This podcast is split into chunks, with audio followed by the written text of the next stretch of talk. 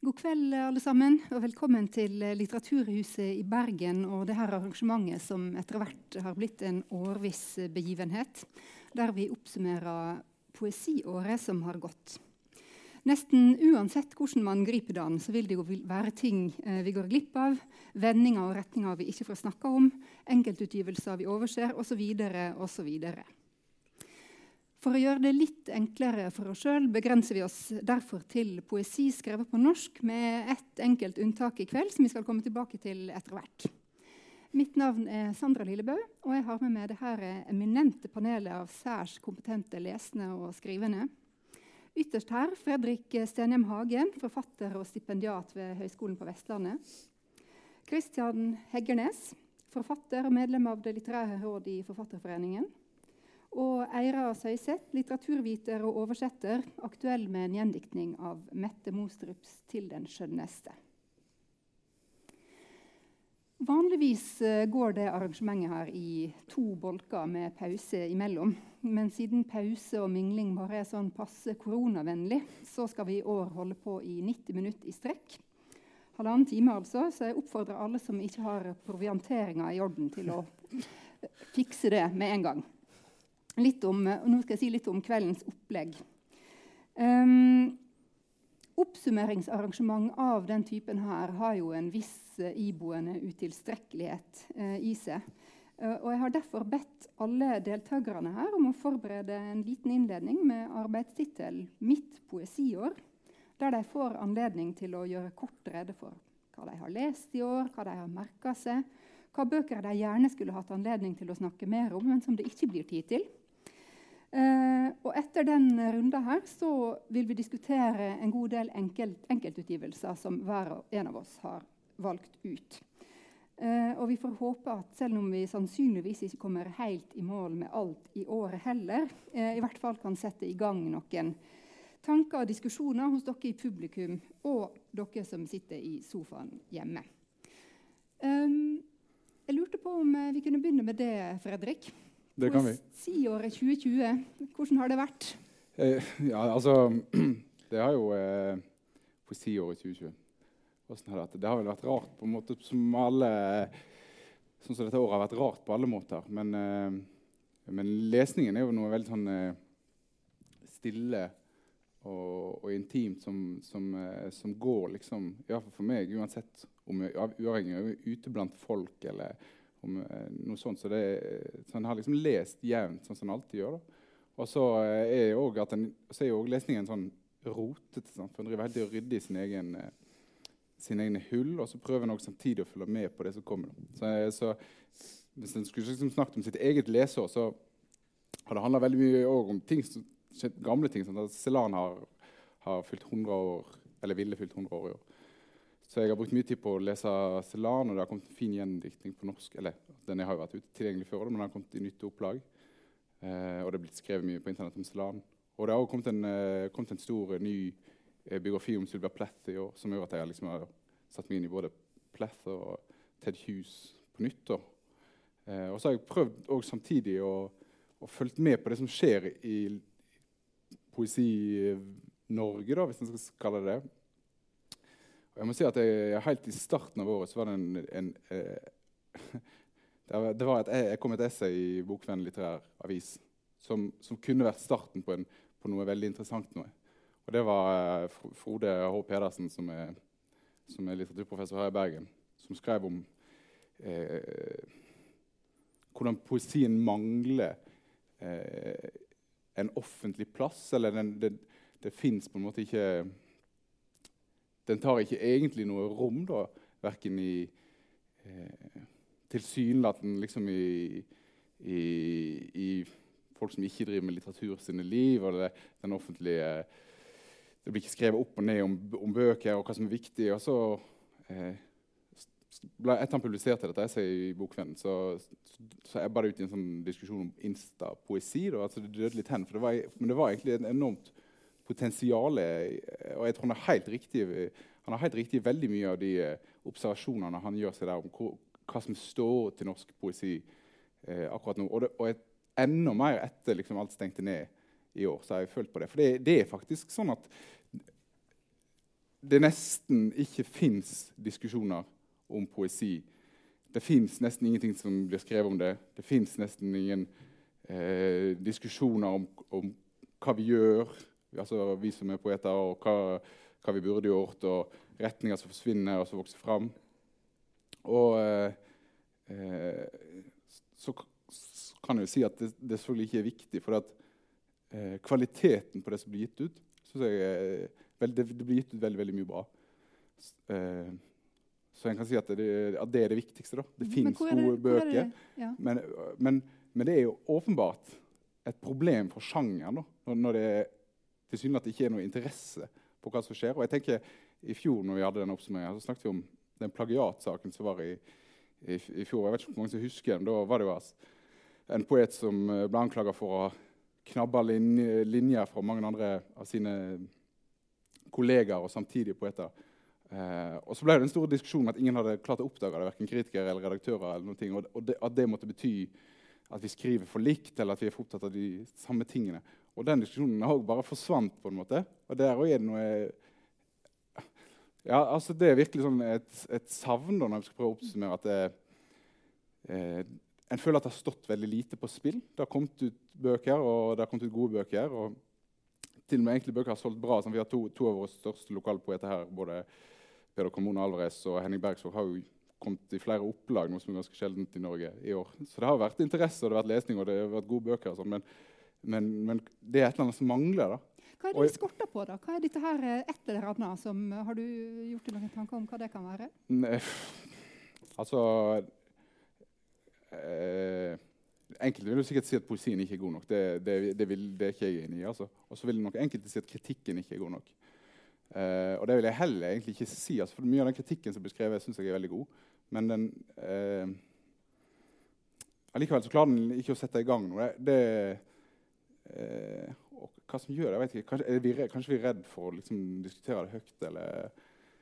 Jeg vet ikke, og jeg, og jeg, måte, jeg, tar jo aldri den plassen i offentligheten. Og har ikke tenkt å gjøre det heller. Altså, det liksom, men, men, som poesileser skulle jeg gjerne sett at det ble gjort. At det ble at, at, ja, at det rett og slett fantes en større eh, poesisamtale. Kristian, eh, har du merka det, det, samme? Ja, men det, det, er vel ikke et problem som er unikt for poesien. eller litteraturen som helhet, føler jeg. Også at, uh, at ikke en, den ikke har en plass i offentligheten lenger. Senest i dag så jeg at Uh, I dag kom skattelist, disse skattelistene som alltid er, legges ut i avisen. Og så Henning Bergsvåg hadde uh, merket seg at de ikke hadde en egen liste over forfattere lenger, men det var bloggere og, inn, og um, sånne her um, influensere og sånne ting som havnet inn på den listen. Så litteraturen er jo stadig marginal, men det vil alltid være noen sånne raringer som oss som er veldig opptatt av det. Så eh, jeg, er ikke, jeg, er ikke, så veldig bekymret, egentlig. Eh, når det gjelder poesiåret 2020, så har jo det vært Som du sa, det har vært et spesielt år generelt. Og eh, det har nok eh, vi vil nok se Vi har jo allerede sett tegn til det i litteraturen også. altså De første koronabøkene har jo kommet. og Ruth Lillegaven skrev en diktsamling om eh, de dagene i mars, f.eks. Ja. Um, ellers vet, om, om, jeg ser noen trender, og sånt, det tror jeg kanskje vi må, må, se på som om vi kan finne ut i som, som panel. Da. Men det har kommet mange gode bøker i år, syns jeg. jeg. jeg leser jo Må jo lese masse, masse prosa også, da. Men uh, For en skjebne. Ja, men uh, det, det, er alltid kjekt å, med diktsamlingene som kommer innimellom alle romanene. Og, og, med novellesamlingene også, for all del. Uh, og ja du har allerede nevnt at Henning Bergsvåg har hatt et slags gjennombrudd i år. Det syns jeg er kjempeflott og veldig fortjent. Og Sannsynligvis hans beste bok så langt. Uh, og uh, ja Toril Vardenær har gitt ut en fantastisk fin bok. Hun er en av de, en av de virkelig viktige i norsk uh, litteratur, føler jeg. da. Og så har jeg tatt med en som jeg vel har merket meg som eh, Eller merket meg og merket meg. Hun leste på min egen slippfest. Men Marianne Teie, som uh, ikke skriver om det uh, om vår nære samtid, men som skriver om mennesker fra fortiden i diktene sine. Uh, hun ga ut en diktsamling for et par år siden der hun skriver om sine egne forfedre. Og her skriver hun om en jødisk fiolinist som het som eget som Josef et eller annet. Unnskyld. eh, eh, som kom fra Tyskland, og som eh, spilte en stund i uh, Filharmonien i Bergen, og som døde i uh, en av konsentrasjonsleirene under andre verdenskrig. Uh, det er et veldig sterkt minnearbeid, på en måte. Og, ikke hennes egne minner, men det holder fast noe. Ja. Ida Frisch ga ut 'Skjære Grønland', som er litt sånn fri på å skrive om klimakrisen, som også naturen har fått en veldig stor plass i eh, lyrikken og litteraturen også eh, ellers eh, de siste årene. Og, og, det vil vi helt sikkert bare se mer og mer til. Mm. mens vi går baklengs inn i den krisen som kommer uansett. Ja. Det hadde du noe å si om også, tror jeg, Eira, om naturmotivet som uh, ja, det er jo uh, Jeg tenkte på det når jeg har lest også litt sånn uh, intensivt fra 2020 nå i år. Så er det jo så utrolig mye altså sånn benevninger av på en måte alt fra planteriket og dyreriket. Altså ryllik, apel altså sånn. Så ja Både Ingrid Nilsen og Karoline Brennjord og på en måte sånn Det er liksom overalt, da. Mm. Eh, og så eh, innså jo at jeg likte det. At det liksom At uh, det gjør ingenting at liksom både Ole Petter Våten og Karoline Brenn, Brennfjord snakker om en apal, f.eks. For mm. eh, fordi det funker eh, ja. i begge stedene. da. Og ja, eh, og liksom Engsoleie er jo et veldig poetisk liksom, navn i seg selv. Absolutt. Absolutt. Men ja, ja, Så kanskje at jeg er litt enkel, da. At liksom, eh, ja. ja men tror at det, det, er vel en, eh, en, viss sammenheng der med klimakrisa som vi er inne i, og at, det, er, at det er en oppmerksomhet mot, uh, mot naturen som Så klart ja. det er en oppmerksomhet. Ja. Det er det jo. Ja. ja. Men jeg vet jo ikke helt om, om, på en måte benevningen av planter i naturen vil på en måte gjøre noe med klimakrisen. da. Mm. Eh, det, det, er vel kanskje ja. Enn at vi blir kanskje oppmerksom, mer oppmerksom på hva ja. vi mister? Det er ja. det, det jeg tenker mm. ja. Fredrik, du ville si noe? Nei, bare eh, det, er, det, er, veldig på en måte Det er fristende å lese det politisk når det, når det er mye snakk om litt, eh, naturen i poesien. Og, eh, men jeg tenker nettopp der er jo et, et, sted som poesien skorter litt. kanskje for det som litteratur, Litteraturen skal jo på en måte ikke redde klimaet. Det er jo ikke nei, nei, nei, nei, Det er jo, og det mener jeg heller ikke at den skal. Det er jo, det er jo ødeleggelse av natur å bare trykke en bok og ikke gjøre den ut digitalt. Men, uh, men det som litteraturen kan gjøre, da, som, og som man gjør uh, godt F.eks. vi så med Yahya Hassan for noen år siden, uh, at den kan rette blikket uh, mot noe, da, et, gjerne et politisk spørsmål. Da. Og det gjør jo den norske poesien i veldig liten grad, syns jeg. da.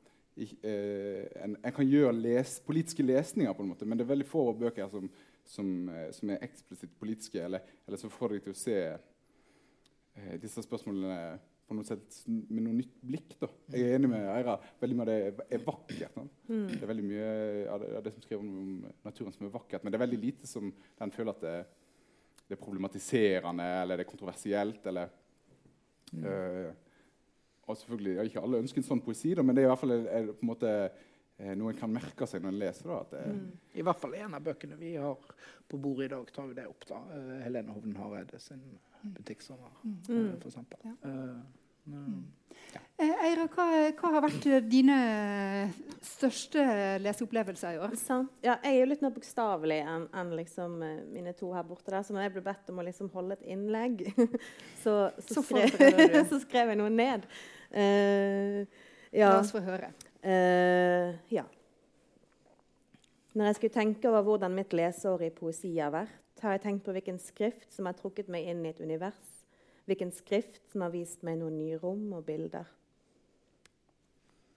Mm. Så kommer jeg med poenget om at alle skal nevne Ryllykke Alm og Engsolei. Og sånn da. Eh, eh, og at to mannlige debutanter debuterte med ordet 'livmormørke' i deres respektive samlinger.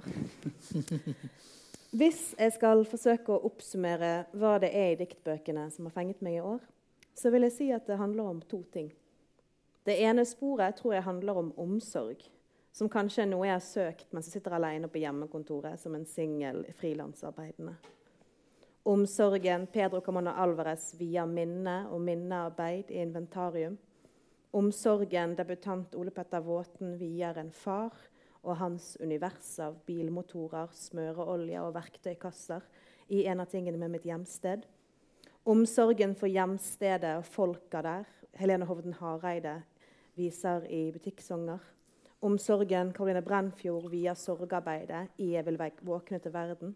Jeg kan fortsette, men det er nettopp denne viljen til å se noe komplisert og gjerne sorgfullt fra flere vinkler, undersøkende og åpent, viser nettopp hvorfor poesien betyr noe.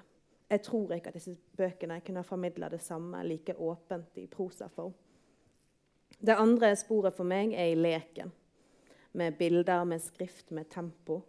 Den stadig tilbakevendende hegren i Bendik Vadas 'Virkelig igjen', og det faktum at han faktisk kaller en av suitene sine for kjærlighetsdikt.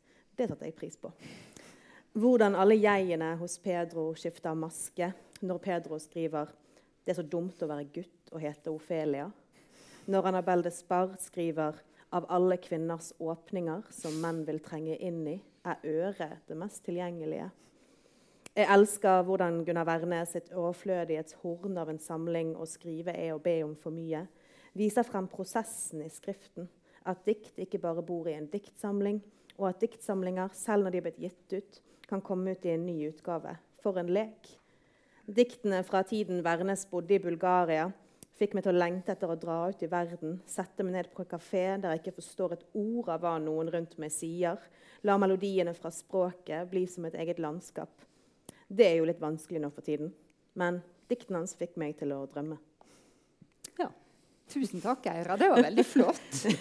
ja. Det fikk meg til å tenke, Mens, mens du, mens du snakka nå, så, så, tenkte jeg på at uh, det har jo vært et veldig bra poesiår, egentlig. Det har det. Ja. Det syns jeg virkelig at det har. Ja. ja. Mange høydepunkt. Mm. Ja. Um, jeg skal bare si noe veldig kort om uh, mitt eget poesilesår. For det, mm -hmm. i likhet med Fredrik så har jeg også opplevd dette leseåret som veldig eh, hva jeg skulle si, eh, mangefasettert. Eh, altså at man går, sånn er det jo gjerne. At man går fra den ene sjangeren til den andre. Man går fra klassikere til å følge med på eh, nyere ting. Eh, jeg har også merka med eh, den siste samlinga til Henning Bergsvåg, som, som jeg syns var en utrolig fin bok, rett og slett. og som og den syns jeg også var interessant på den måten at den, den altså utgiv, Utgivelsen var jo veldig godt, men samtidig eh, litt tilfeldig eh, tima, tror jeg. Eh, og jeg syns det var interessant at han fikk et sånt gjennomslag nettopp på et tidspunkt eh, som, som, det det var eh, under den lockdownen som vi hadde i, eh, i mars. Eh, så det er vel først og fremst det. Og så eh, Bendik Wada har også merket meg en spennende lyriker å, å følge med på. Um, veldig ung, men allerede produktiv og aktiv på flere måter. Så, så jeg, jeg syns det lover godt fremover. Vi skal begynne med å Ja?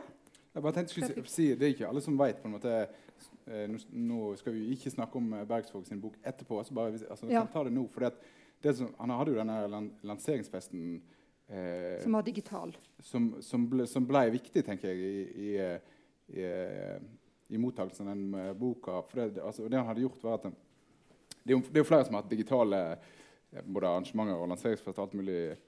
Eh, men han, for først var det ganske tidlig i, i løpet her. Og så, og så gjorde han noe som, som egentlig han har gjort på, på flere av sine lanseringsfester. men Vanligvis er vi liksom 50 stykker stykker på Victoria. og Nå var det, eh, lå det åpent på nettet. da, eller hvor mye det åpna seg utenfor litteraturmiljøet, det vet jeg jo ikke, men det, jeg har liksom inntrykk av at de gjorde det. da. Og det han hadde gjort var at Det var veldig mange som fulgte med på den lanseringa på nettet. Jeg tror det Ja. var sånn oppi 400 personer som var innom. Uh, Ja, ja, jeg, jeg, jeg som både danske og svenske venner og Ja, kollegaer. ja. da. Og det han hadde gjort, var at han, han hadde fått et, et, et hakk av norske forfattere og poeter og brannkeeper Håkon Oppdal var der. Og, det, det var liksom masse, masse forskjellige folk til å lese. De leste ett dikt i samlingen hver, og så leste de eh, hele boka. Hvis jeg husker riktig da. Og det fikk meg til å tenke på at, at det, var, det var et slags håp da, i det koronamørket som, eh, som hadde lagt seg. da, at eh, Pga. de finansieringsordningene vi har for poesi i Norge i dag, så er den litt sånn konservativ og retta mot boka og, og utgivelsen. Og, eh, men at, det, at den åpna et slags rom da, der poesien kunne være noe annet. Den var, veldig, den var kollektiv, og den var eh, Det var jo en, egentlig en slags lydbok på video. Sant? Og det var veldig veldig fint. da. Og så, er det litt skuffende at det ble høydepunktet for min del da, av disse her digitale arrangementene. Eh, altså rent medialt, da. At det var det mest, det mest interessante for dikt eh, som har gjort noe med det der, eh, digitale mediet. Eh, så har det vært fine arrangementer etterpå som har liksom, i arrangementformen har vært ok, men, men der var det et eller annet potensial da, som ikke helt har blitt eh, eh, Det ble liksom ikke så spektakulært da, som jeg, jeg, hadde håpa etter den lanseringsfesten. Jeg tenkte virkelig det, det er noe, her kan Du får ta opp hansken til neste gang du skal gi ut bok sjøl, Fredrik. Men det er jo også noe med sånn her altså ikke, for å, ikke til forkleinelse til eventuelle folk som ser på streamingen, men, men jeg, jeg syns jo at litteraturarrangement er jo av de kunstformene som liksom egner seg minst til streaming. liksom.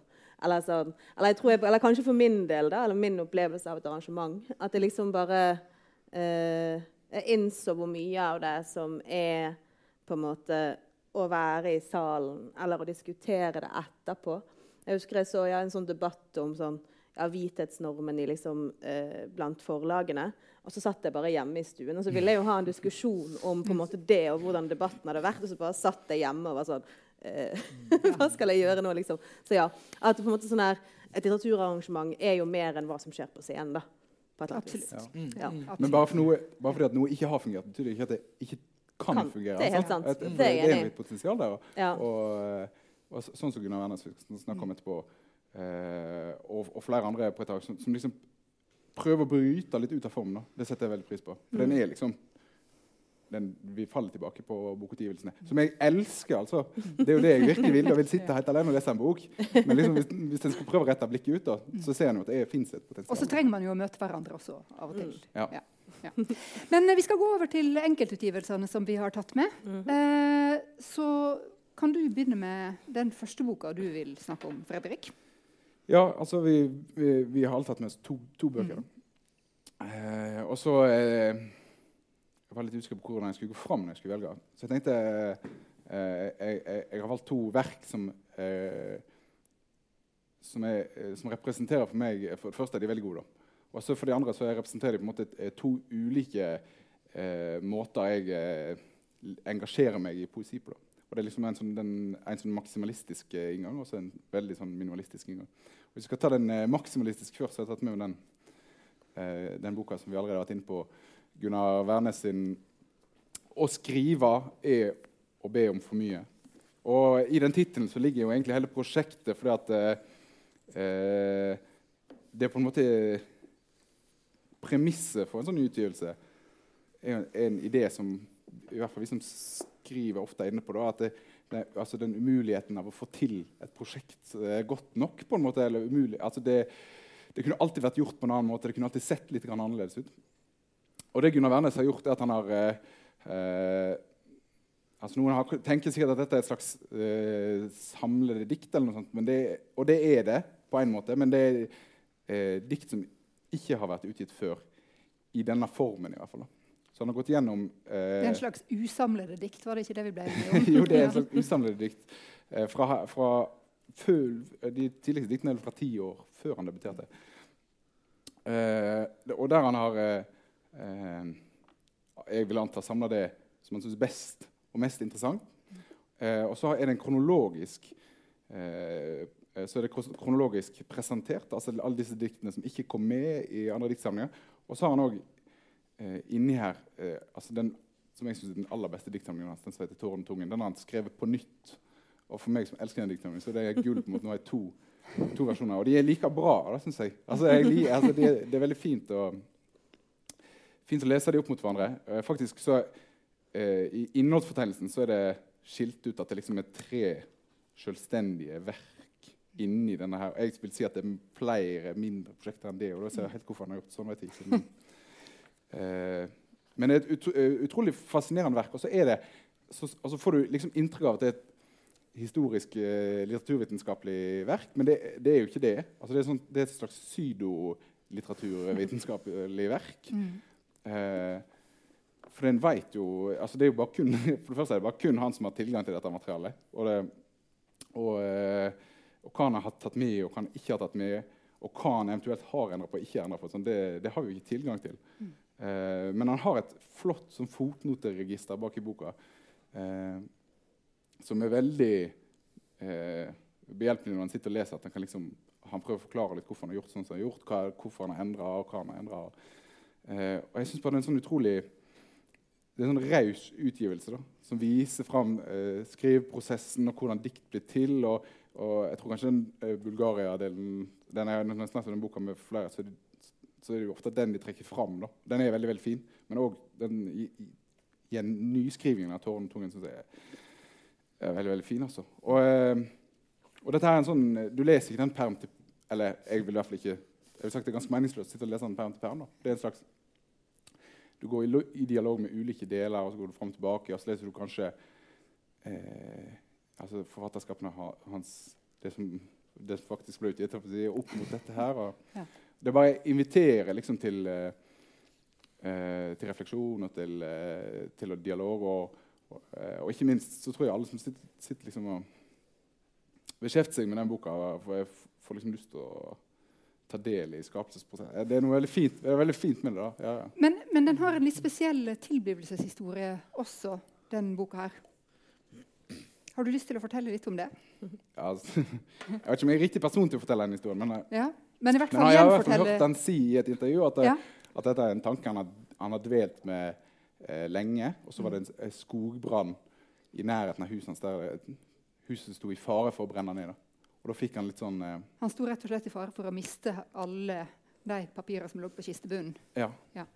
Og så da fikk han, eh, da fikk han et, sikkert et behov da, for, for, å ta vare på det utenfor huset. Og dette, det beste ja. måten er jo å få det innkjøpt eh, på innkjøpsordningen. ja. så er det arkivert. Få det lagra i Mo i Rana. Ja.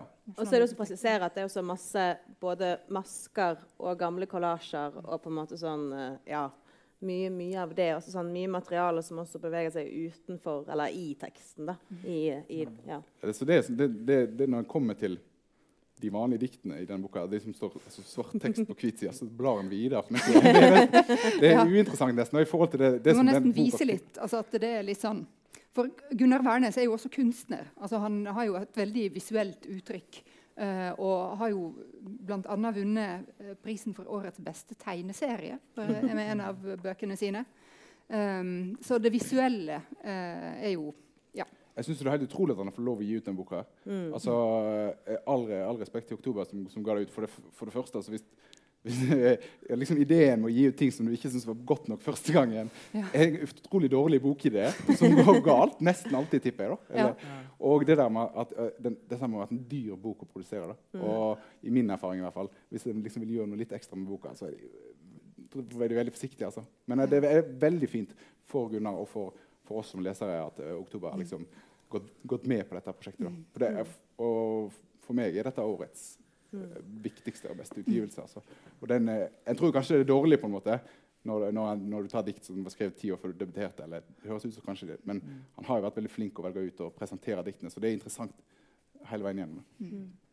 Også ikke minst altså, sånn, I de fotnotene så er det jo også noe med sånn her altså, Der har du jo nesten en slags form for altså, beskrivelse av hva det vil si for han å skrive, altså, hvordan, altså, hva han tenker rundt det. Sånn så, grunnen til at 'Tungen og tåren' er i en revidert versjon, mm. er liksom det der at han ikke Eller sånn Jeg tror han sier noe sånn her at eh, baki her at eh, Hva var det, da?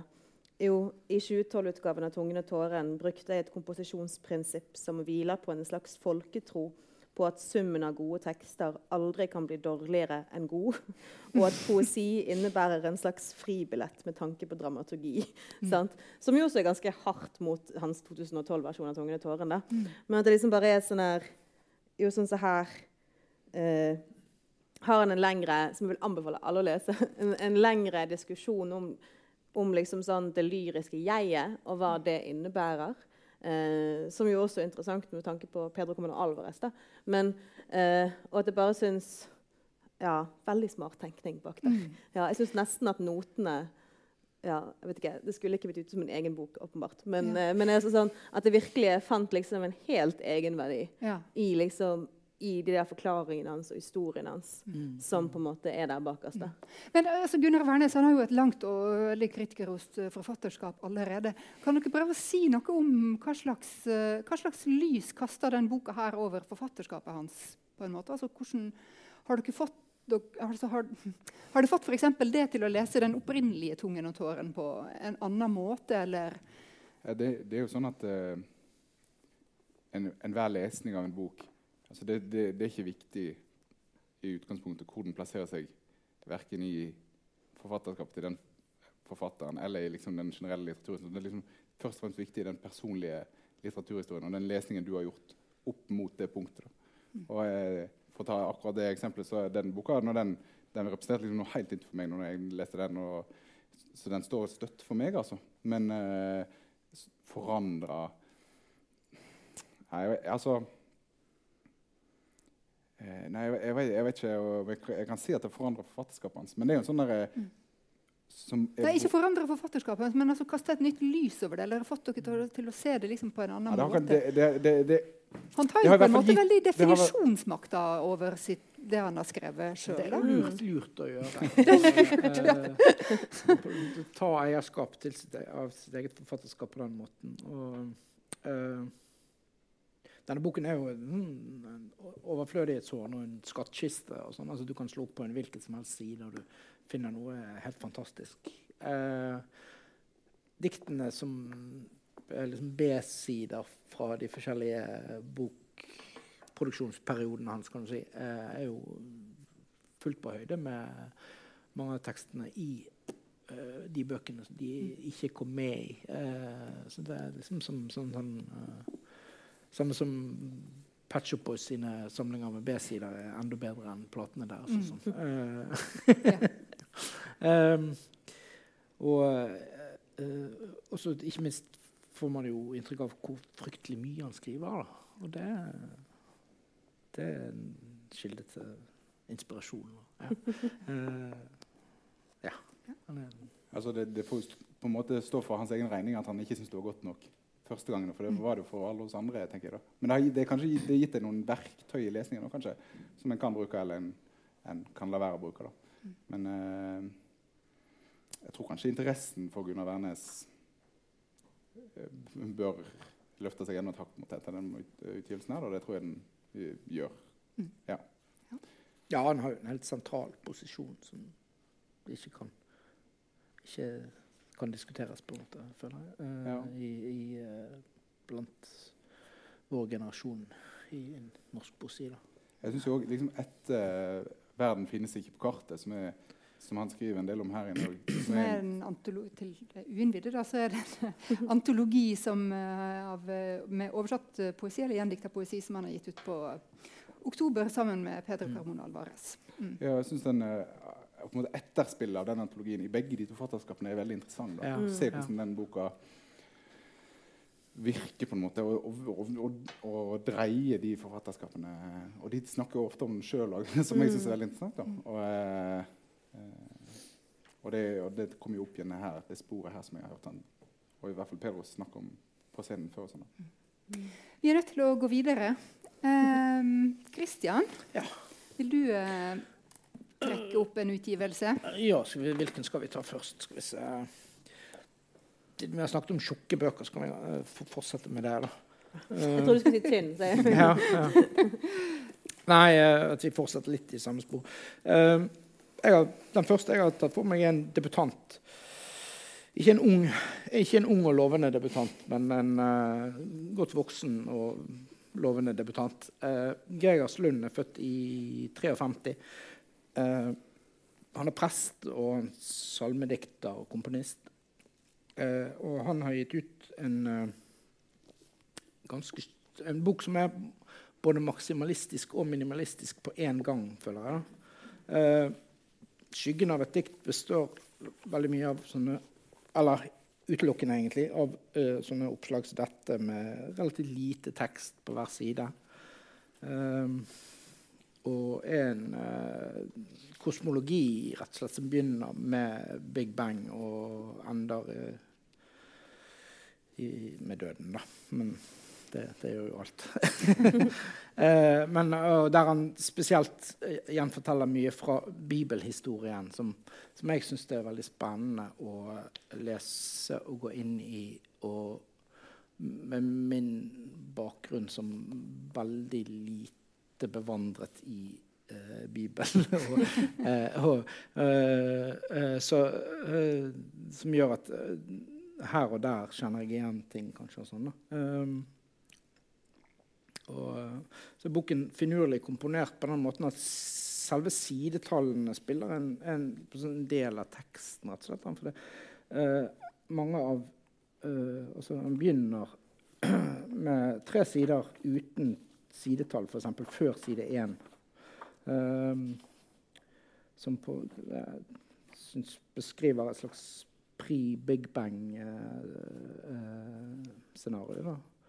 Fraværet av kraften til å være. En udrømt drøm om bevegelse, fanget i mangelen på avstand. Tomhetens bønn om å bli fylt. Og så kommer komma, og så begynner side én. Skyggen av et dikt. Det som ikke lar seg nevne uten å bli til osv. Uh, så, uh, og, og, flere ganger igjen begynner uh, deler av teksten på, på, blanke sider uten, eller sider uten sidetall. Uh, som om det liksom er noe som eksisterer utenfor tiden, tenker jeg. da. Uh, for eksempel, som, det er i hvert fall en spekulasjon jeg har gjort omkring det. Eller jeg tenkte, hvordan, Hva skjer hvis jeg leser bare de sidene som ikke er det sidetall på? Hva, hva tekst oppstår da, f.eks.? Det har, jeg har ikke gjort det, men uh, Og det er en, et veldig tungt alvor i boken. Da. Uh, altså det, jeg liker godt å, å humre litt over det jeg leser i diktsamlinger. og prøver gjerne ofte å være morsom sjøl. Uh, eh, mens uh, jeg, lo, jeg, har aldri, jeg, har vel aldri, ledd under lesingen av den. Men, men det, det, var noe godt ved det også. Så, uh, så det veldig fortettede språket Det er en bok som er veldig godt å lese langsomt, syns jeg. da. Og det minner meg om ja, litt Tor men kanskje særlig Sigmund Mjelve, som døde samme år som ulven, tror jeg faktisk. Eh, eh, som, som eh, var en sentral stemme i norsk lek på 80-90-tallet. Og tidligere enn det. Um, kan du prøve å si et eller annet? Hva, hva, er det som får deg til å tenke på ulven? Nei, det, nei, det er jo altså, stilen og, språket, ja. ordvalgene. um, og uh, tonen i, i, rett og slett. da. Uh, det tunge alvoret. Uh, og så beskrives en slags evolusjonshistorie og etter hvert en menneskelig historie som mm. i stor grad her da er hentet fra Bibelen. som Ja, det det gjør meg nysgjerrig også da, på, mm. på, på, på, på, den historien og den tekstmassen der. Som, der det, er, det, er så utrolig mye å hente, føler jeg. Uh, så uh, det var en overraskende bok som kom liksom, liksom bardust på meg. Eh, liksom, en godt voksen mann som har gitt ut noe dikt og står at han er prest. Og, ja, det kan bli spennende. uh, Eh, ja, og Nei, den eh, kanskje, kanskje følges det ikke opp av noe mer, jeg vet ikke. Men jeg kommer til å ha denne boken med meg lenge fremover. Det, det Ja. føler jeg meg sikker på. Eira, hadde du noen inntrykk av eh, Gregers Lund? Ja, det hadde jeg. Altså, sånn, jeg syns jo at det er helt klart åpenbart at han liksom har et, et øre for musikaliteten i på en måte dikt. Eller i liksom det å skrive. Men Han er jo også salmeskriver. Da. Men, altså, sånn her, men at det på en måte var noen sånne overføringer i det som jeg syns fungerte godt. Mm. Uh, og ellers så merker jeg jo også sånn at min teologiske på en måte, bakgrunn kanskje altså For typisk så er det jo sånn at han på en måte ja, gjerne benevner på en måte bibelske figurer ved liksom deres navn, og så på en måte har ett blikk på et eller annet som skjedde der. Eller sånn. Mm. Altså sånn eller Moses er jo en som følger lenger. altså sånn Moses i kurven i elven, liksom. Eh, Isak og ja. ja, sant.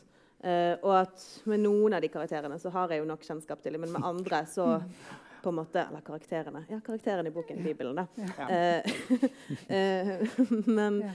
men jeg tror nok også synes at den på en måte var litt ujevn. Og det er jo noe med det prosjektet eller for Sånn som jeg leste det, så var det jo liksom ikke fra et big bang, men fra liksom en bibelsk skapning, eller Ja. av historien. da. Mm, At det på en måte eh, Og jeg tenkte egentlig på for Pedro Comano Alvarez når han skulle skrive inventarium, så hadde han opprinnelig en idé om at han skulle eh, inventarium skulle være delt inn i de første syv dagene hvor Gud skaper verden. Mm. Og så var han litt sånn Det var litt for stormannsgalt, Ja. eh, så det droppet han.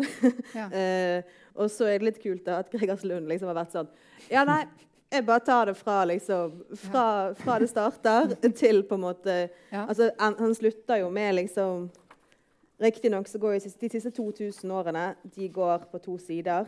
Altså det er en siste to sidene. En soltråd trukket gjennom 2000 labyrinter, Gjennom tankegangen, bak de forhastede demensdiagnosene, gjennom kjølerommene, forbi de altfor konstaterende dødsattestene, frem til hukommelsens øyeblikk. Ja. Eh, så jeg tror på et vis liker jeg, jeg liker prosjektet. Jeg syns det er litt mye. Eh, ja. Fredrik? Jeg tenker at kanskje han, han går seg eh, Han går seg litt, litt vill i alvoret sitt, nesten. Altså, eh, en bok som eh, altså En bok som krever at du tar den like alvorlig som den tar seg sjøl. Mm. Og, og, og det syns ikke alle Alle tekstene var ikke der oppe for meg, for jeg var med på prosjektet hele veien. da. Og så tenker jeg, jeg tenkte på en sammenligning. Og det, og det, altså for de som har lest uh, Lars Norén sine fragmenter uh, og var først og fremst den der, hvordan boka tvinger deg ned i stolen på en måte, og, så, og så bla veldig mye. Og så, Mm. og så leser lite, og så har du mye tid til å mm, eh, den, den krever en spesiell lesestil. da. Eh, Og den har sine øyeblikk, men eh, litt, litt for ujevn, tenker jeg da kanskje. Eira, ja. hva har du tatt med? Eh, jeg har tatt med to bøker, eh, som på en måte så mange andre. vi men jeg tenker, vi kan jo faktisk, jeg tenker jo at Pedro og Comano Alvarez sin inventarium er jo liksom god i en slags glidende overgang her også. Ja. Eh, det snakka vi jo også litt om før, at altså, det er mange altså sånn religiøse altså Mye religiøs poesi, eller poesi som på en måte sånn eh, snakker om det religiøse på ulike vis. Også verdt å nevne utenfor her den nyeste til Ingrid Nilsen. Eh, ja. Jakobstigen? Nei, Ja, den andre Jakobstigen. Jakobstigen. Mm. ja. Eh, altså, jeg er jo en langvarig fangirl av Pedro Comano Alvarez. Det er vi Eh, alle. ja, men han var liksom eh, han var liksom en av de første samtidspoetene som da jeg var 16, jeg leste og bare var sånn her, Fy faen i helvete kan dikt være sånn som dette her. Eh, og Inventarium er eh, en samling som av forlaget beskrives som en slags B-side til essaysamlingen 'Refrenger', som kom i 2019. Eh, som jo var en samling som i større grad enn før på en måte tok opp i seg altså, flere ting rundt liksom, hukommelser og minne, og om oppveksten i Chile, og om traume, traume rundt det, og rundt forsvinninger. Eh, og, Og jeg vil virkelig si at ja, jeg er helt med på at dette her er en B-side av det. Eh, og Pedro viderefører noe som han har holdt på med ganske lenge, men som er liksom ideen om det skiftende jeget. At jeg kan gli over og være altså sånn, Jeg kan være liksom en jente som heter Marisol, det kan være en gutt som heter Ofelia, det kan være eh, på en måte en druknet hest eller en levende hvit hest. Eh, det er veldig mye hester i denne Veldig mye hester i denne her. Hester og hunder er liksom ja. dyrene Det er hans mytologiske dyr denne gangen. da. Eh, og jeg syns det er interessant Hva heter det her når hesten er en ørken som er en drøm? Er sengen min laget av halm, av steiner, eller heter det sand? Så boken også snakker jo mye om, sånn, om språk og om en mor-datter-relasjon der på en måte eh, moren henger igjen i det gamle, og datteren er født inn i det nye.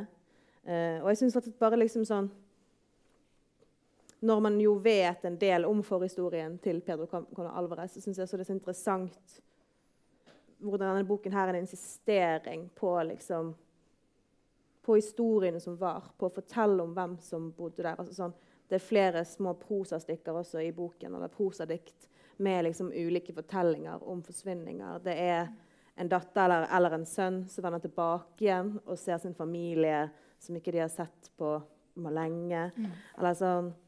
Og jeg kan jo lese et dikt som jeg syns snakker mye om dette både med hukommelse og med, og med alt. det. Jeg ble tatt, forsvant, døde og ble til en hest. Nei, jeg ble til alle hester. De slepte meg ut, og jeg gikk i døden. Vannet ventet på meg. Med sine gjennomsiktige armer er kysset den gjørmete bunnen og gresset mens bølgene rusket til menneskeminnene. Jeg glemte og glemte, fikk svaiende øyne, kroppen ble lett, som den til en hest som veier lite, som har lovet å glemme at den en gang var en jente som trengte føde, mor, flyteplagg. Jeg ble til alle hester, rekreasjonsdyr, terapidyr, statussymbol og pastoral trøst, kentaur, hestehale og hastighet. Jeg spredte skrekk blant alle dem som ikke hadde temmet meg. En gang ble jeg den, den druknede hesten, den myrdede hesten, den hvite hesten jeg hadde, hadde kalt på i en barnesang. Jeg ble født i Troja, men kom til Alexandria som føll og ble et bibliotekfantom over manesjen. Så det er sånn de der sveipende sveipende, glidende vannet eller sånn. Og jeg syns også det er interessant at en bok kan være så Altså, Den er jo utrolig dyster, mm. men den står i dysterheten sin på en annen måte. Det syns jeg som på en måte bare gjør at den blir veldig bra. Mm. ja, ja. Mm. Det kan Christian? være min. Ja. Uh, ja. Uh, jeg tror det blir et sentralt uh, verk i uh, Pedro sitt forfatterskap. Uh,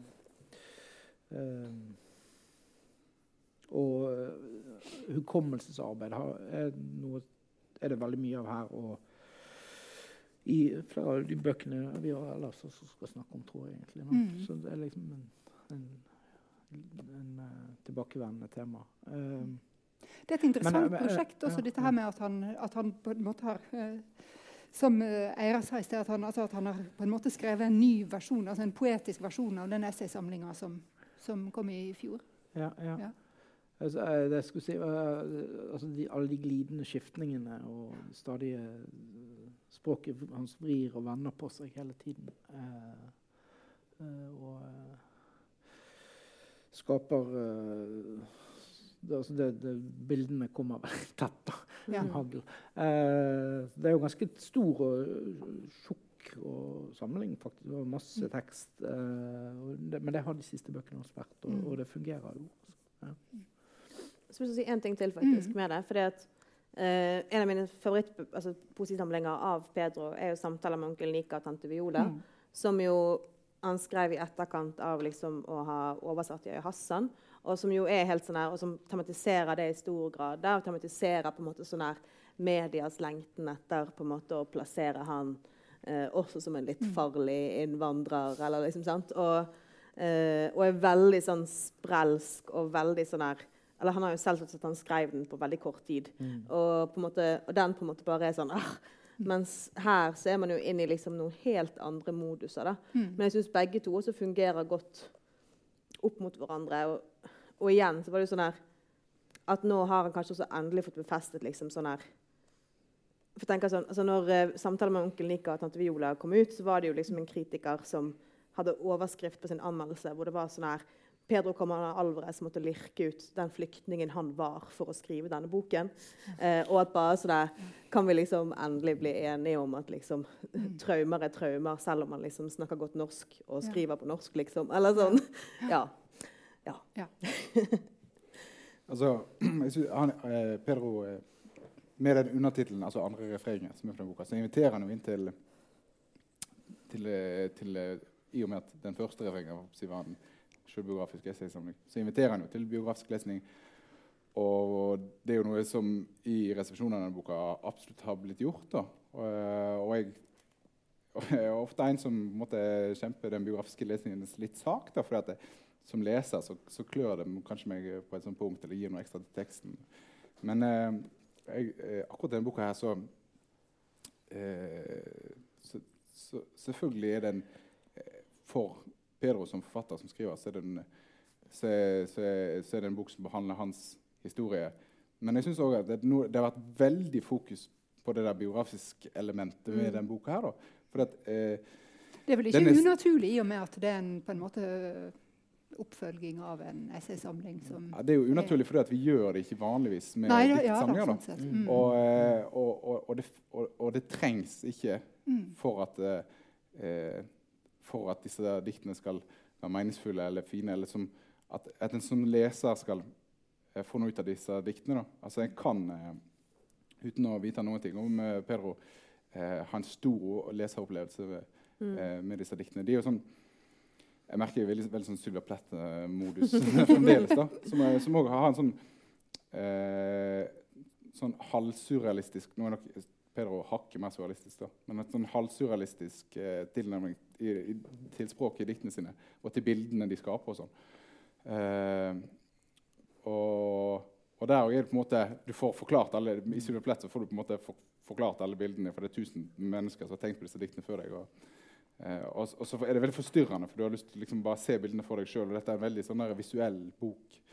Eh, og jeg syns det er veldig fint når jeg leser, når jeg leser den boka, og jeg slipper den der eh, Altså ikke at jeg slipper den, men at jeg, at jeg klarer å liksom komme bort fra den biografiske fortellingen som liksom har lagt en liten skygge over den boka. her da, Som hever den på ett nivå, men som også gjør at kanskje stenger for andre lesninger. da. Mm. Jeg bare synes det har, vært, det har vært en interessant dynamikk. da. Ja, og, og, og, og det liksom, Når du leser teksten, så er ikke det så åpenbart at, at en skal gjøre det. på en måte. Det virker som et litt sånn uh, Det er jeg helt enig i. Ja, Ja. når man leser teksten, er det, er det jo ikke det, det er jo ingenting som Ja, det- skulle tilsi det liksom ja. i teksten. Altså, Nei, altså- Boka har jo invitert til det, forlaget har invitert til det, og folk har hoppa på. da. Ja.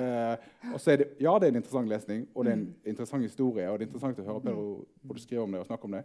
Mm. Men uh, teksten kan òg leses på, på, på, på helt andre premisser. sant? Du Mm. kan gå inn i det helt uten den informasjonen. Absolutt. Ja, jeg leste den veldig lite. Altså, veldig som en biografisk tekst. Altså, Mm. det, det er en- veldig vridd biografisk tekst i så fall, og, og forvrengt. Ja. Eh, og via mytologi og sånn, Mm. ikke minst, som som spiller veldig mye på i denne boken. Ja. Altså. Ja. Jeg tenker jo kanskje at den er mer en slags sånn her insistering på Altså insistering på sorgen. Altså insistering på, på de som forsvant. Eller sånn. Mm. Og det tenker jeg jo ikke nødvendigvis trenger på en måte å være Altså det kan jo på en måte be, det, Jeg tror at denne her kan jo leses på en måte sånn av alle som på en måte har på et eller annet vis opplevd ja, altså et fall i, i samfunnet, eller Mm. sånn at liksom samfunnet rakner og man blir flyktning. på en måte. At jeg tenker jo at det er noe allment i på en måte det, da. Selv om mye av figurene hans gjerne liksom, ja, er mot Latin-Amerika. da. Mm. Men ja. ja. Eh, vi er nødt til å gå videre. eh, jeg har også tatt med bøker. Jeg tenkte jeg skulle begynne med den her, som er den eneste oversatte boka som vi snakker om i kveld. Så jeg har tillatt meg å bryte sjangeren sjøl. Det er Louise Glick sin 'Averno'. Eh, og Den har vi tatt med. Den ble jo skrevet i 2006, og den kom på norsk i 2017, gjendikta av Per Petterson. Så den eneste grunnen til at eh, vi har den med, er jo selvfølgelig at uh, Louise Glück vant uh, Nobelprisen i litteratur i år. Eh, og jeg må jo innrømme at jeg veldig ofte har det sånn at når, når uh, Nobelprisen i litteratur blir annonsert, så blir jeg litt sånn hm? Uh, så, og glikk, glikk Det uttales visst glikk. Ja. ja. Okay. Bra at du sa det. Jeg ja. takk for det. Ja, ja Glikk. Uh, Glikk hadde jeg ikke lest før, før, hun fikk Nobelprisen. Det må jeg bare innrømme. men det har vært et utrolig fint bekjentskap. Jeg må ta frem notatene mine, for jeg har skrevet ned noe om hvorfor det var fint. Um, um, altså når hun fikk prisen, så uh, sa jo uh, den svenske, svenske akademien at, uh, at, hun fikk den for sin evne til å vise det universelle i enkeltmennesket. og Averno var jo nettopp en av de samlingene, enkeltsamlingene som ble, som ble trukket fram. Um, glikk, glikk Jeg har problemer med å si det. altså Hodet mitt vil at det skal være Glikk, men det er Glick. Uh, hun underviser bl.a. på Yale. Hun er født i 1943, har et langt forfatterskap bak seg. Har vunnet omtrent alt som kan krype og gå av uh, priser uh, i USA. Hun har visstnok ikke en, en universitetsgrad sjøl, um, men hun er likevel helt tydelig en svært skolert forfatter. Hun forholder seg aktivt til tradisjon og forholder seg aktivt til særlig gresk mytologi i denne boka. her. Og Averno er navnet på det som er inngangen til eh, underverdenen. Eh, hvor Persefone, eh, dattera til eh, krigsguden Sevs og, og eh, fruktbarhetsgudinnen eh, Demeter eh, har blitt bortført av Hades, altså kongen av dødsriket. Så dette her er jo egentlig ikke noe man trenger å vite uh, for, å, uh, for, å, lese boka, selv om de navnene her opptrer i samlinga. Um, og tvert imot så tenkte jeg vel egentlig når jeg leste at tekstene hennes kan åpne for en, kanskje en ny interesse for, for mytologien. Jeg merka at jeg, at jeg sjøl ble, ble, interessert i å finne ut mer av de tingene her som jeg ikke vet så veldig mye om. Um, og så er jo Det interessante er jo måten hun bruker det på. Derfor Et av gjennomgangstemaene i forfatterskapet hennes det er familieforhold, forholdet mellom foreldre og barn. Uh, som hun skriver om på en uh, veldig personlig, uh, men ikke, ikke, privat måte. Da. Jeg skal finne noen eksempel. Fordi hun, altså, hun, bruker hverdagsspråket aktivt samtidig som det er veldig lærd. Så det er en veldig um, det, det, det, er noen um, ja, Dette var ikke særlig hverdagsspråkaktig, da, men eh, jeg fant et, et, stadig når jeg leste, så ville jeg stryke under. Det, var veld, det veldig mange fantastiske enkeltformuleringer. Eh, og det er ett eh, utdrag eh, her som handler om, om, den skylden og den skammen og den tomheten som kan oppstå i et barn hvis man har et havarert forhold til sine foreldre. Da. Når lengselen etter å gjøre bot er kronisk voldsom, er det ikke mulig å velge på hvilken måte du skal leve. Du lever ikke. Du får ikke lov til å dø. Det er utrolig sterke formuleringer. Um, veldig ofte. Jeg har lyst til å lese litt til. Um, da, jeg var, da jeg var barn, mm. led jeg av søvnløshet. I sommernettene ga de meg lov til å sitte ved innsjøen jeg tok hunden med som selskap. Sa jeg led? Det var måten foreldrene mine forklarte preferanser som for dem var uforklarlige. Heller led enn foretrakk å bo sammen med hunden. Så ja. Eh, det handler om å bli seg sjøl, eh, om å finne språket. Men det handler også en god del liksom, om eh, litteraturen som en ideologisk eh, slagmark. Eh, der eh, tematikken liksom står i et spenn mellom det hverdagslige og det, og det mytologiske. Så eh, jeg håper at det kommer flere bøker av henne på norsk etter hvert. Jeg vet at det er en del titler som er oversatt til svensk, og det er en del titler som er oversatt til til dansk. Og mange av oss leser jo også engelsk, men ja, skandinavisk språk er jo nærmere, syns jeg i hvert fall. Mm. Mm. Har dere noen uh, Ja? Jeg tenkte, En liten sidekommentar på Glikk. Glikk. Glikk? Altså, for Nå snakket vi nettopp om flyktninghistorien til Per. Og, og, en del av det er jo på en måte å, ta, å ikke la majoritetens språk ta plass. Mm. Den, den, plassen den ikke skal være. på en måte, sant? Og, og øh, Glikk er ungarsk, jødisk øh, eller hun er jo amerikansk, men familien Mm. hennes er ungarsk-jødisk bakgrunn. Og, det, og, det, og, akkurat som E uttales forskjellig på, på norsk og på engelsk, så uttales U med tøllerøve ulikt på tysk som vi var med, og på ungarsk. Mm. Så det er på en måte viktig når en skal omtale For, for det irriterte meg veldig når, når det, i liksom de dagene etterpå at en gikk til Glykk med, med en gang, og ikke til Glikk. Uh, for en skal ta på alvor navnet folk, altså. Er Ja, en det ting- skal man. Er det en ting poes- poeter er opptatt av, sånn, å, navnet hennes og navnet hans, og, det betyr, det betyr eh, da. Ja. Og når jeg skal si, eh, si så er altså det, det er en veldig velfortjent nobelpris, syns jeg, da. Eh, men òg veldig overraskende. Spesielt fordi at eh, Hvorfor overraskende? fordi at mye av det, En ting er at det er ikke så lenge siden den amerikanske eh, poet fikk den sist. Mm. Bob- Bob Dylan. Mm. Altså. Og, eh, og, eh, og, og en annen ting er at veldig mange tenkte det var Ann Carson som skulle, Mm. få, Mm. skulle være den neste poeten som fikk. Mm. Eller neste, i hvert fall vestlige poeten som fikk. da. Og hun også driver med myter og skriver om myter. Og skriver om tapserfaringer.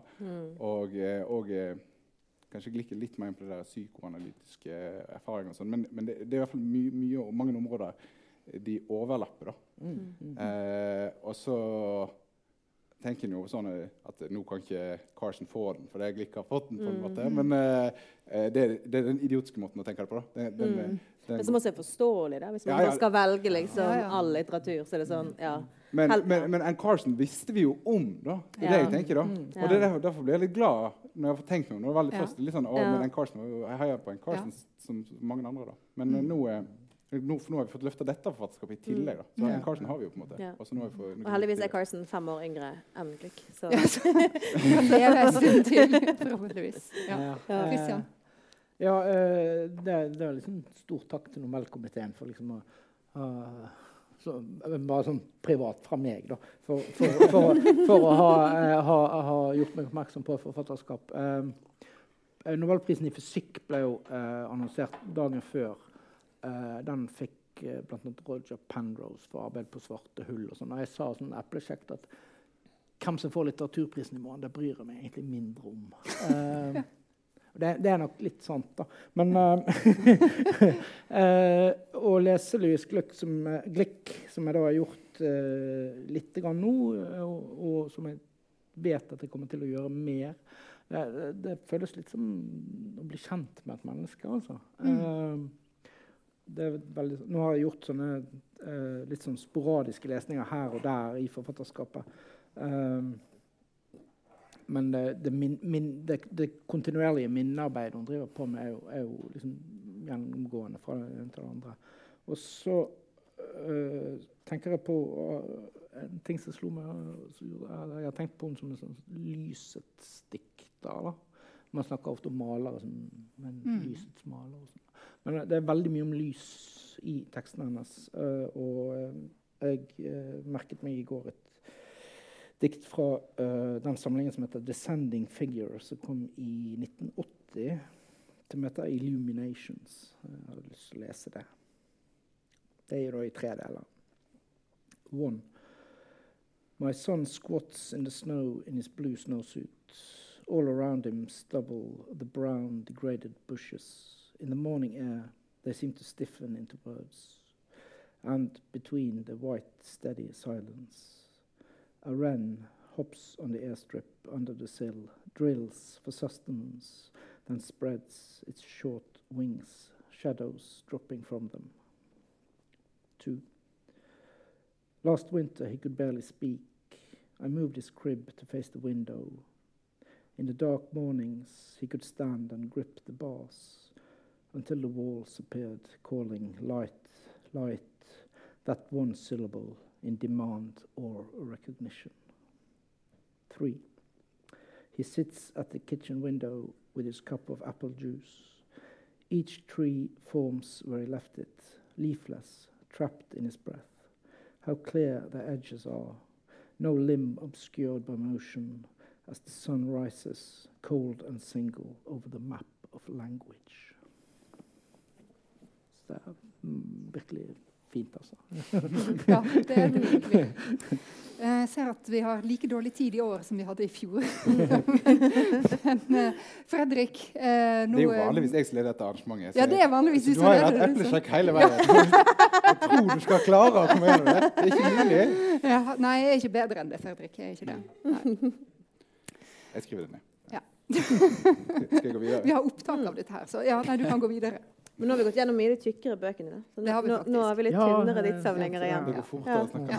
Nei, det gjør det. gjør det ikke. Jeg snakket i sted om at uh, Gunnar Wærnes-boka altså, Det er én inngang som jeg har til lesning. Altså, den, den representerer veldig det for meg. Altså, det der med et verk som drar deg inn og ut og tilbake og inn i andre bøker. Og, som åpner opp et sånt eh, stort rom for refleksjon. Da, og eh, ja, hva jeg skriver, arbeidet og hva, de ulike tingene han skriver om. alt dette. Og så at den andre boka jeg skulle ha med, representerer en annen måte for meg å lese poesi på. da. Jeg har med meg eh, Karoline Brennjord sin eh, 'Jeg vil våkne til verden', som er altså Det er ikke en spesielt tynn bok. Det er ikke en helt vanlig samling for en diktsamling. Det er vanlig størrelse for en diktsamling. Men den, den, er, den, er, den er veldig konsentrert i hvor den retter blikket, og den er konsentrert i, i språket sitt. Og den handler om eh, eh, en mors sjølmord. Og så handler den om eh, eh, Altså den tittelen 'Jeg vil våkne til verden' for, får- den- i hvert fall- meg til å tenke på noe Hofmo og, og noe hof, hoffmosk over det med en gang. Altså dette Mhm. 'Jeg vil tilbake til menneskene', eh, samlingen hennes. Og det der med å, å være til stede og ikke være til stede. Og, være bevisst, men ubevisst. Og, og, og hva plass kan han egentlig ta? Og, det, og når jeg leser en bok som det, som, som er altså, så presis i sitt språk og er så eh, konsentrert i sitt blikk, så er det en veldig sånn eh, Jeg blir veldig lyttende som leser. da. Det er veldig Det, det, er, er en sånn eh, Det er noe veldig intimt og stille med å sitte og lese og, og være i den sorgen som blir beskrevet her. Og så, ta, og, og, og så er det jo sånn Når noen liksom tar på alvor og bretter ut sin sorg, da, så, så åpner det opp alt mulig ja, som en har sjøl. Altså, det altså, det, det er nesten for meg poesien på sitt mest sånn, virkningsfulle og mest sånn det er der, det, er der det, kanskje, det, er da- det, er kanskje vanskelig å snakke om hva som egentlig skjer i den lesningen. Så, for ofte, dette kan til og med skje med, med bøker som ikke er så gode av og til. Altså, det er bare et eller annet som treffer virkelig, men denne, denne synes jeg er virkelig god. Da. Og så blir han bare sittende der sånn eh, den lar seg fylle av noen andre sitt språk. og så eh, ja, så er det liksom, det er en sånn total leseropplevelse. da. Jeg synes den den er veldig veldig fin. Og så tror jeg ikke jeg skal si mer om den. Er det tid til at jeg leser et dikt? Ja, gjør det. Mm. Les et dikt. Eh, og jeg fikk den her litt sånn tilfeldig i fanget, for jeg hadde gått glipp av den egentlig for, første gangen. Og så var det en, eh, eh, en venn av meg, Katrin Heiberg, som sa sånn Ja, denne, denne må du lese. Og så begynner du på begynnelsen, og så ble jeg tatt med en gang. Og det første diktet heter 'Lykt'. Arbeid får alt til å lyse. Sorg får alt til å lyse. Jeg ble født og lyste opp foreldrenes ansikter. Når jeg ler, lyser mor, lyser mor mi. Når jeg dekker på bordet, lyser far min. Når jeg skjenker vin i glassene, lyser verden opp. Jeg vokser, og lyset strømmer ut gjennom fingrene.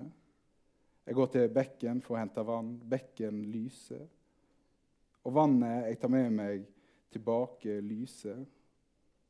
Hva enn jeg berører, bjørkene, bjørkenever, gress, en sommerfugl, potetgroer, melk, en staur. Kroppen min er et bud. Jeg vokser under himmelen i kjøtt og undring. Jeg kaster undringens lys over marken. Alle mine spørsmål kommer lysende fra munnen.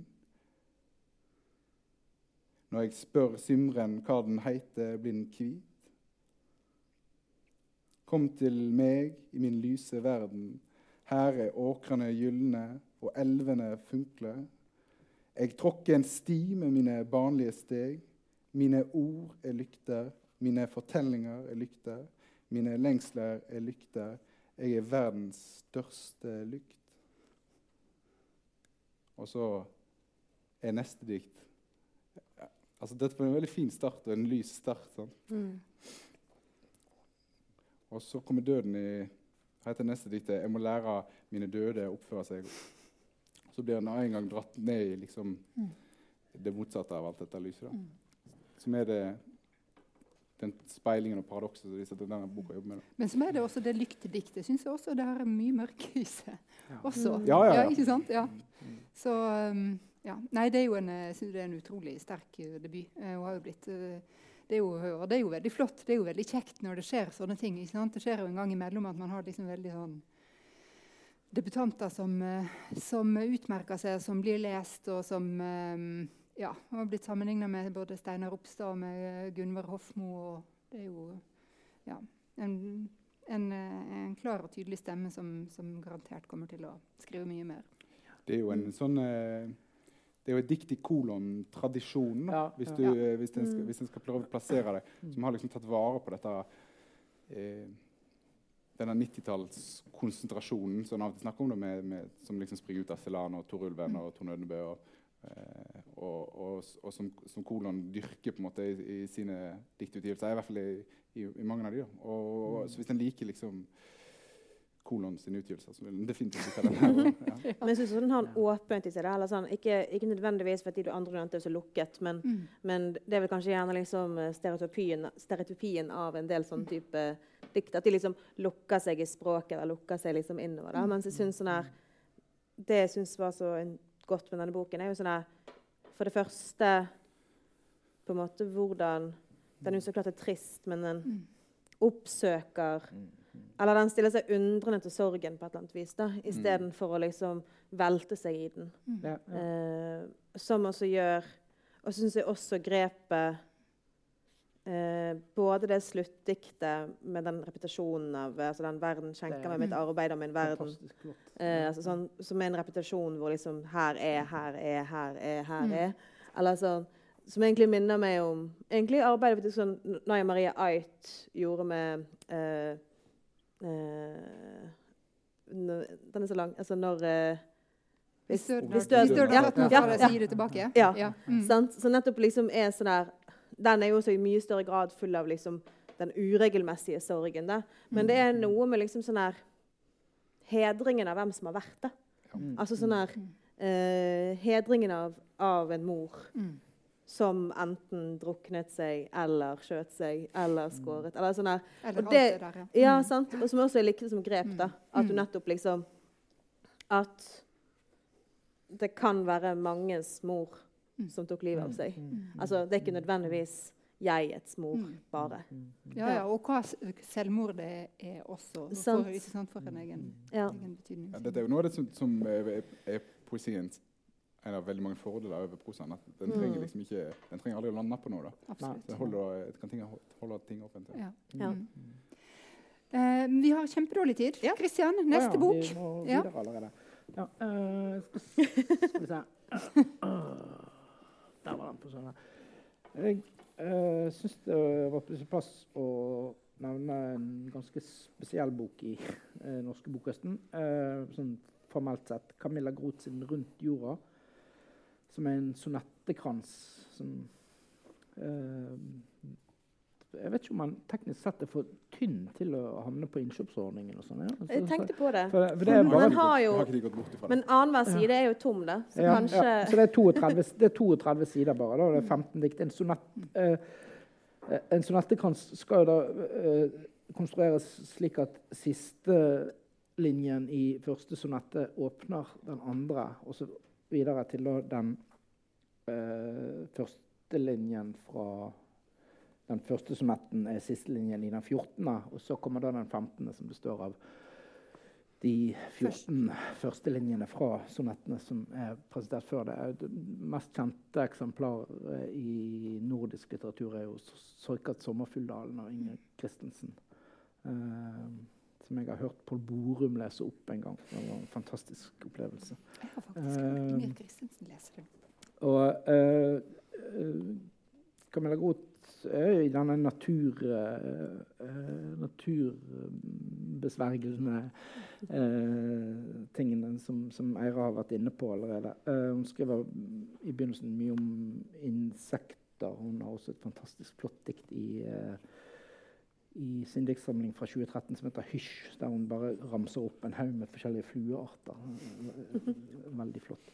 Um, så det handler jo altså Det hun besynger i diktene, er jo uh, menneskets uh, ødeleggelse av kloden og det, som, det vi mister, og det som blir borte.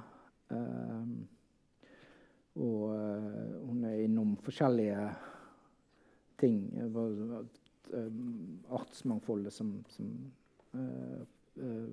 forsvinner, spesielt blant insekter. Uh, og søppel i havet, plast, mikroplast, alle de tingene der. Um, og så har hun da gjort det i den fortettede sonetteformen, som er, formelt sett uh, gjør hun det helt eksemplarisk, syns jeg. Um, og ja lek, lekent også, vil jeg si. da. Og som adventskalender så leser hun opp et dikt fra den hver dag på uh, Facebook. Det, det, vil jeg anbefale. Uh, skal vi se uh, Kanskje jeg skal lese den første. Jeg er et vesen mindre enn en pore og andre småkryp, biller, møll og mygg. I biene som flyr mot biefòret og bærer hele jorda på sin rygg. I hofteringer, følehorn og skjever i tynne snavler, bein og hudskjelett. Og silkelarven tygger vilt og vever et stoff som er et skjærtegn, vingelett. Om uh, møkkabiller, humlesurr og knott, og børstehaler, veps og øyenstikker. Om mudderfluer, lus i en støvdott, forsvinner helt fra jordas åndedrag. Blir møllen som er borte, helt møllsikker. Jeg velter verden over i et slag.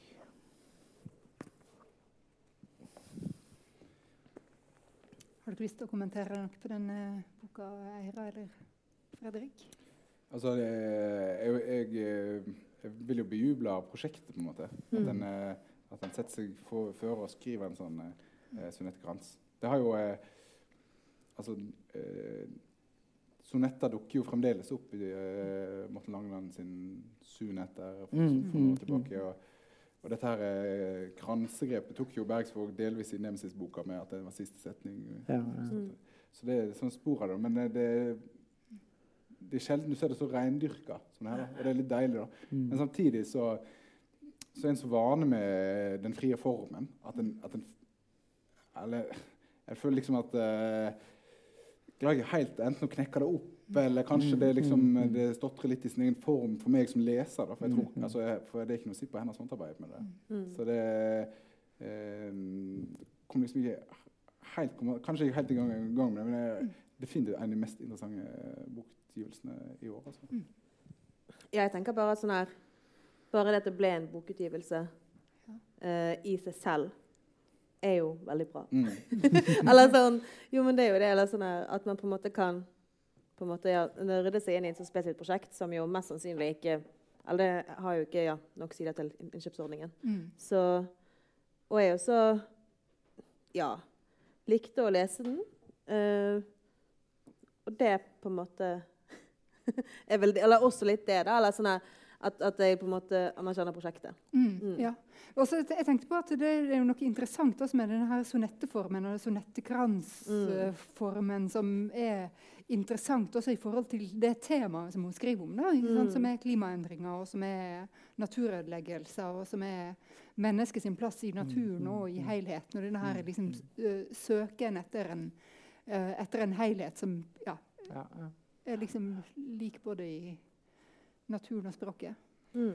Eh, eh, nå er jeg veldig redd for å si feil, altså, men jeg tror de, har, de er ferdig med denne regelen at eh, bøker må Ja, okay. være så og så lange. Ok. Tror, tror jeg, da. Og jeg, for jeg har i hvert fall tenkt for jeg, jeg, har, jeg har blitt det fortalt tidligere. Jeg har ikke sjekket opp det selv, men jeg har blitt det fortalt. Og når jeg leste den, så tenkte jeg at og for det at, nettopp det at de har gått vekk fra det og åpne opp Mm. for at, denne, at forlag kan gjøre denne type utgivelser. Da. Ja, for han, må, han, han bør jo kjøpe seg inn, det er jo klart. Ja, og, hvis den regelen fremdeles er der, så viser den i hvert fall eh, hva verken kunne hatt mer av, da, på en måte som er ut forbi det der Mm. formatet som de opererte med tidligere. Men jeg, Mm. altså, jeg, jeg skal ikke Det nei, nei, er en tema for en egen diskusjon, egentlig. Ja. Det er dette med hva Ja, ja, ja, men det henger sammen med hva dikt som er skrevet, hva som er de økonomiske rammene for Definitivt. en poet. Ja. Mm. Definitivt. Og Gunnar Wærnes har en gøy historie om det i notene. I ja, det kan være en teaser. Ja. Skal vi fortsette? Vi skal fortsette. Eh, jeg valgte Annabelle Despard sin 'Vannet bestemmer'. Hun har gitt ut syv diktsamlinger etter at hun debuterte som ganske godt voksen i 95, og er altså nå 77. Eh, og dette med alder ville jeg jo kanskje ikke nevnt hvis ikke det var for at det er en av tingene som jeg verdsetter med denne diktsamlingen. Nemlig liksom lekenheten og vitaliteten som er i hennes poetiske stemme. Og hvordan hun kan fortelle om ting som alderdom og sykdom uten at leseren nødvendigvis blir nedtynget eh, av liksom elendigheten av alderdommens på en måte farer. Eh, jeg syns at eh, Annabelle Spard er en veldig morsom poet. Eh, og på en måte har et veldig eh, interessant perspektiv. Da, at det liksom er flere steder her hvor det bare er ting som jeg egentlig ikke har tenkt på. Et eksempel er jo hennes beskrivelse av barnebarn. Eh, som jeg egentlig kan lese. Det går ikke an. Det er siste tabu. Eller noe. ja. Et siste tabu. Det går ikke an å skrive om barnebarn. Et emne klissent som marshmallows stekt på bål i speiderleir. Fremmede passer meg opp med smil og duggfriske bilder på mobilen. En universell plage. Det nytter ikke å oppsøke lege. Hun kjenner symptomene.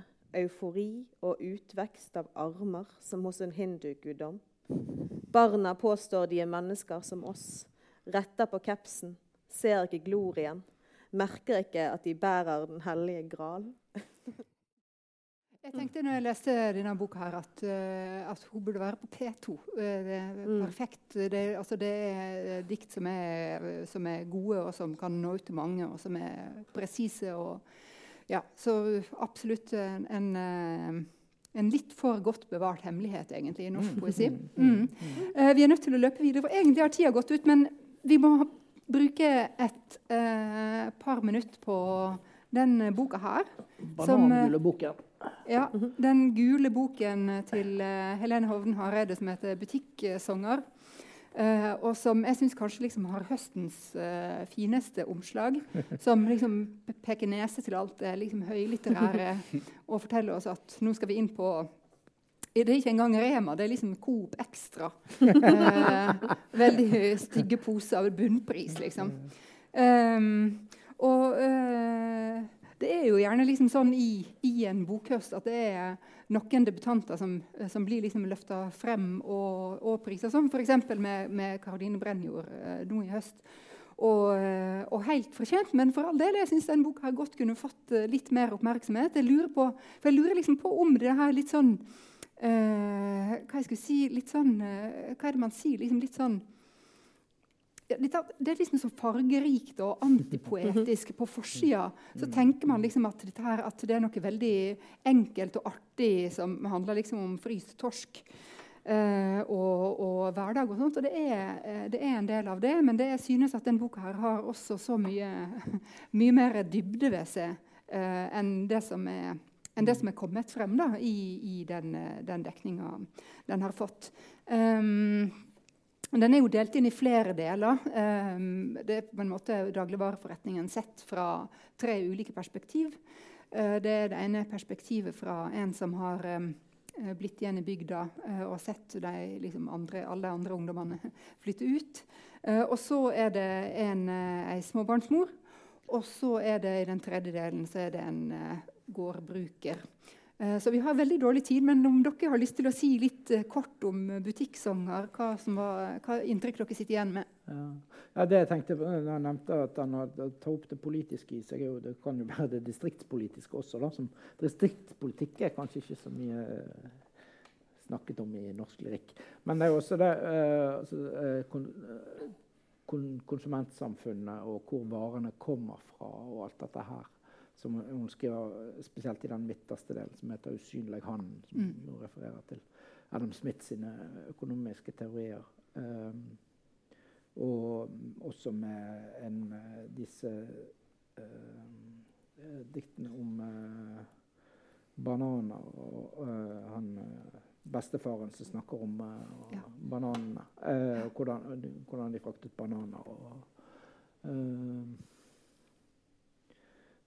og ja, butikken er liksom kjernen i samfunnet i et sånt lite sted. Og jeg det, det, det, skriver hun godt om. Og, uh, jeg er enig med deg i at det er en bok som kunne blitt kanskje tatt på større alvor enn enkelte har gjort. Mm. Uh, ja, Det må jo sies at den har fått mer oppmerksomhet enn mange andre debutanter. Da. Det har den, absolutt. Mm. absolutt. Til, til, trøst for de debutantene som får ingenting. Så. ja. Uh, og jeg, jeg tenkt på akkurat det, det, samme. altså at uh, det, det, er på en måte det der butikksongen, at den heter det, at den har det omslaget. og sånn. Det er et grep måte, du, at de som intervjuer deg eller skal anmelde deg, alltid har noe å gå til. på en måte, en inngang. Mm. Men boka er mye mer mm. enn det. da, som Det er, også, det er måte mm. noe som kan stå i veien for en lesning. Det er ikke en gimmick. Ja. Uh,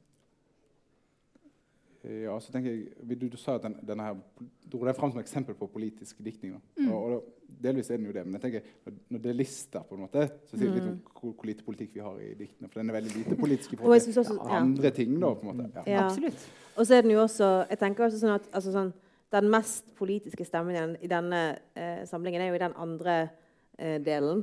Og der er det jo f.eks. sånn her eh, Altså en datter som driver og snakker snakker om liksom lav pris, elastisitet, til mammaen som liksom er potetbonde, og liksom snakker om så der Bøndene her burde konkurrere på samme åpne marked som de andre. liksom. Altså, ja. sånn, så det er jo en ganske sånn her eh, eh på en måte sånn, Det er jo altså, på en måte ikke en politisk korrekt ting, da. Nei, men det sånn at, nei, jeg føler mer at det bare liksom er en som, en som ikke forstår det, liksom. ja, ja, eh, men jeg vil si Jeg vil bare trekke frem eh, i den første delen med han som eh, jobber på, jobber på butikken, da. Håvard. Håvard så eh, er, det liksom et diktet på den som er da Førre påske kom du mot meg med et lammelår i armene. Hei, sa du, mens låret ruller mot hendene mine. som liksom også bare er sånn der eh, Ja. Og jeg syns Nei, jeg tror jeg bare syns sånn her, eh, som jeg snakket om i innledningen, da, denne omsorgen omsorgen for hjemstedet, for de folka som er der. Mm. Eh, for liksom alle de forskjellige skjebnene. Eh, det er bare jeg så glad Eller så, man blir så glad for det. Og så skal man sies da, tenke at både Henning skrev en bok om å være isolert hjemme i leiligheten, og at Helene skrev en bok om å være på butikken. Altså sånn 2020. Ja. og eh, så skal det jo også nevnes at uh, Helena har på en måte dobbeltdebuterte i år også, for hun har også gitt ut en gjendiktning uh, fra spansk av Gloria Gervitz, mm. meksikansk poet. Uh, som, som, også har blitt nevnt absolutt. som kandidat til Nobelprisen i litteratur. Ja, ja. Mm. så, så, hun har absolutt gjort seg bemerket. da. Ja. Mm. Utrolig fine begge, begge to. Nå har vi gått over tida, eh, så vi klarte det ikke i år heller. Eh, eh, tusen takk til dere som kom, og tusen takk til alle dere som fulgte med hjemme. Og velkommen tilbake neste år. Mm. takk, Sandra.